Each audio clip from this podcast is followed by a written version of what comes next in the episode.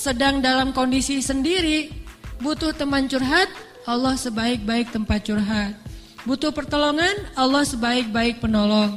Butuh kebaikan, Allah memiliki segala kebaikan. Butuh jalan keluar, Allah lah yang satu-satunya yang punya jalan keluar dari semua kebuntuan hidup kita. Makin banyak masalah, makin dekat sama Allah. Enggak apa-apa kalau kita ngerasa, ah saya mah nggak pede eh, dekat sama Allah. Kenapa? Saya banyak dosa. Kalau gitu dekat sama Allah sebagai pendosa. Gimana dekat sama Allah sebagai pendosa? Tadi, Rabbi zalamtu nafsi faghfirli.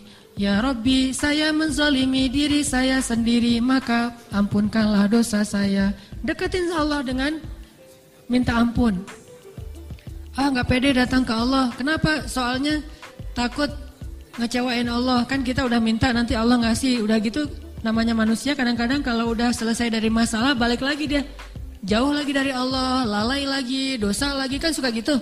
Karena kita masih kayak ragu sama kemampuan kita, saya bisa nggak ya istiqomah? Saya bisa nggak ya taubatan nasuha? Ah daripada nanti saya udah minta sama Allah, Allah tahu banget kalau saya itu masih labil, kan nggak enak. Udah nggak apa-apa, kita berbuat dosa datang lagi sama Allah. Dosa lagi datang lagi sama Allah. Kapan sih Allah pernah putus asa mengampuni dosa hambanya? Yang ada itu adalah hambanya putus asa minta ampun kepada Allah. Allah mah nggak pernah putus asa. Nggak ada kalimat satupun di Al-Quran dan hadis Allah bilang gini, saya nggak akan ngampunin dosa kamu lagi. Kenapa? Udah tiga kali saya ampunin kamu ulangi. Gak pernah Allah ngomong kayak gitu. Baik di Al-Quran gak pernah, di hadis gak ada. Baik hadis Nabi gak ada, hadis Qudsi juga gak ada. Gak ada cerita Allah itu ketika kita datang pertama, ya diampunin. Datang kedua, ya udah deh. Datang ketiga, ini terakhir ya. Allah gak pernah ngomong gitu kan. Pas yang keempat, tidak ada maaf bagimu. Enggak ada Allah ngomong kayak gitu. Selalu wahai hambaku, kul ya ibadiyalladzina asrafu ala anfusihim. Katakan kepada hambaku yang sudah banyak dosa dan menzalimi diri sendiri. Kul ya ibadiyalladzina asrafu ala anfusihim. Allah tuh baik banget loh sama kita. Allah tahu kita banyak dosa, tapi Allah masih manggil kita tuh ibadi, hambaku gitu coba. Itu panggilan lembut loh dari Allah. Allah kalau kasar panggil nama. Ya Hanan, itu kasar tuh. Tapi ya ayah abdi itu lembut. Sama kayak Aisyah kalau marah sama Rasulullah manggilnya Muhammad. Aisyah, ini kata Aisyah sendiri, Aisyah radhiyallahu anha. Jadi kalau Aisyah manggil Rasulullah, ya Rasulullah, itu lagi enak tuh perasaannya, lagi moodnya lagi enak. Tapi kalau ya Muhammad, itu lagi marah. Tapi Rasul dipanggil Muhammad biasa-biasa aja ya. Kita mah kalau dipanggil nama, wah istri celaka nih, durhaka segala macam keluar dalil. Nabi aja yang punya dalil nggak pernah ngeluarin, kita yang nggak punya dalil punya, suka ngeluarin kan aneh tuh. Hadis itu ucapan siapa? Ucapan Nabi kan? Ucapan saya apa ucapan Nabi? Lalu kenapa saya lebih sering mengeluarkan hadis itu daripada Nabi? Kan aneh tuh. Nabi aja yang ucapan beliau sendiri, hadis beliau sendiri, nggak pernah ngeluarin hadis-hadis tentang istri harus kayak gini untuk ngedidik istrinya supaya istrinya tunduk, nggak. Nabi mah ngeluarkan hadis itu kepada kaum muslimah dalam suasana yang nyaman. Tapi kalau lagi marah nggak mau pakai-pakai hadis, nggak mau pakai-pakai ayat. Kita kalau lagi marah, ayat hadis keluar semua tuh. Jadi taklim kita itu bahan untuk marah gitu. Kalau lagi marah ntar saya keluarin nih ayat-ayat yang kemarin saya dengar di ta'lim. Allah tuh baik banget sama kita. Udah banyak dosa masih manggil abdi. Ibadi kalau yang banyak mah. Qul ya ibadiyalladzina asrafu ala anfusihim. Katakan kepada hamba-hambaku. Sama kayak ibu manggil ya Bunaya, wahai anakku, anakku. Udah sering ngecewain ibunya, masih dipanggil anakku, nggak dipanggil nama. Saking maha baiknya Allah kepada hamba. Katakan kepada hamba-hambaku yang melampaui batas. Arti melampaui batas berarti dosanya tuh udah nggak kehitung, udah banyak banget. Dia buat zina, dia membunuh, dia minum khamar, kalau sekarang narkoba, dia ah pokoknya durhaka, ninggalin sholat, semuanya dia lakukan termasuk perdukunan, syirik, tapi Allah masih bilang, "Qul ya ibadiyalladzina asrafu ala anfusihim." Apa pesannya? La taqnatu min rahmatillah. Jangan putus asa minta ampun sama Allah. Coba. Gak pernah Allah putus asa ngampunin kita. Yang ada kita putus asa minta ampun sama Allah. La taqnatu min rahmatillah. Jangan putus asa minta ampun sama Allah. Inna Allah yaghfirudz dzunuba jami'a. Allah mengampuni dosa semuanya. Semua dosa diampuni. Tapi saya Allah pernah syirik. Inna Allah yaghfiruz dzunuba jami'a. Saya pernah berzina ya Allah, yaghfiruz dzunuba jami'a.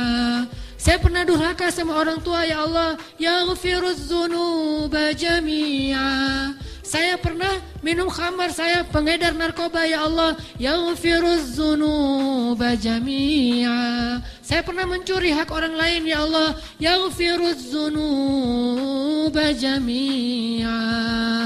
Semuanya diampuni. Memangnya ada tempat lagi bagi kita untuk lari dan berserah diri kecuali kepada Allah? Kalau kita punya masalah, adakah tempat yang lebih baik bagi kita untuk datang curhat dan mengungkapkan semua masalah kita daripada Allah? Makanya Musa tahu hal itu. Dia labil memang, dia anak muda dan itu wajar. Tapi dia satu tahu dan yakin satu kebaikan. Bahwa selabil apa pun, sebanyak apa pun kesalahannya, dia selalu datang dan mengatakan, Robbi. Lalu mengakui kesalahannya, Zalam tu nafsi ya Robbi. Salah lagi, bilang lagi, Robbi zalam tu nafsi ini gimana nih ya Allah, saya salah melulu. Salah lagi ya Allah, salah lagi deh. Salah lagi ya Allah, salah terus. Salah lagi ya Allah, tolong dong, saya pengen berubah. Terus aja gitu. Jangan datang kepada manusia, makin sering kita datang kepada manusia, kita makin rendah. Makin sering kita datang kepada Allah, kita makin tinggi. Datang lagi, datang lagi. Gimana cara datangnya? Gak susah datang sama Allah tuh gak, gak perlu dicari. Gak ada cerita Allah lagi lobet, gak ada. Kalau manusia kita japri, kita telepon lagi lobet ya nggak akan. Atau lagi enak-enak telepon tiba-tiba mati teleponnya. Gara-gara kita teleponnya pakai WhatsApp call. Jadi kalau ada masuk telepon yang keputus gitu kan ya. Cari yang gratis. Kalau ke Allah mah gratis dan nggak akan keputus. Kalau Allah mah gratis, tinggal gini doang nih. Jadi teleponnya di apa? Telapak tangan kita ini adalah gadgetnya. Gini nih. Tekan nomornya gimana? Tekan nomornya tuh tinggal ngomong, nggak perlu ditekan-tekan. Ngomong aja, Robby. Udah langsung terhubung tuh. Kan cepat banget. Kayak ada telepon gitu ya. Nama istri saya Sarah. Sekarang dia ada di atas. Saya kayak misalnya, misalnya saya mau nelpon istri saya. Terus saya nyalain handphone. Sarah. Halo. Dia manggil saya Albi. Albi itu artinya kekasihku. Albi gitu kan. Ada nggak telepon kayak gitu? Bisa nggak? Ada ya. Cuma jarang saya juga nggak bisa nih. nggak tahu cara nyetelnya. Jadi kalau mau nelpon istri kita istriku. Langsung calling gitu. Dan dia langsung ng ngangkat, nggak lama-lama. Kita nunggu lama kok nggak diangkat-angkat. Alasannya lagi, kenapa sih nggak diangkat-angkat? Maaf tadi lagi di kamar mandi, misalkan suka gitu tuh. Allah mah nggak ada cerita gituan. Miss call 10, yang ke 11 baru diangkat. Nggak ada tuh.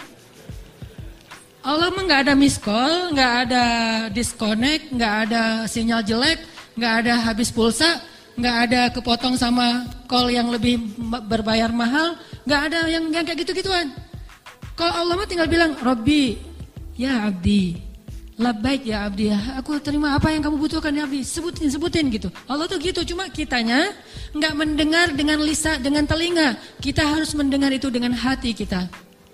Kalau kita yakin, Ana indalzanni abdi bi. Aku tergantung yakinnya hambaku, prasangka hambaku. Gimana perasaan hambaku? Kalau kalian yakin aku mendengar dan mengijabah, aku pasti mendengar dan mengijabah. Kan gampang, Allah mah tergantung kita ya.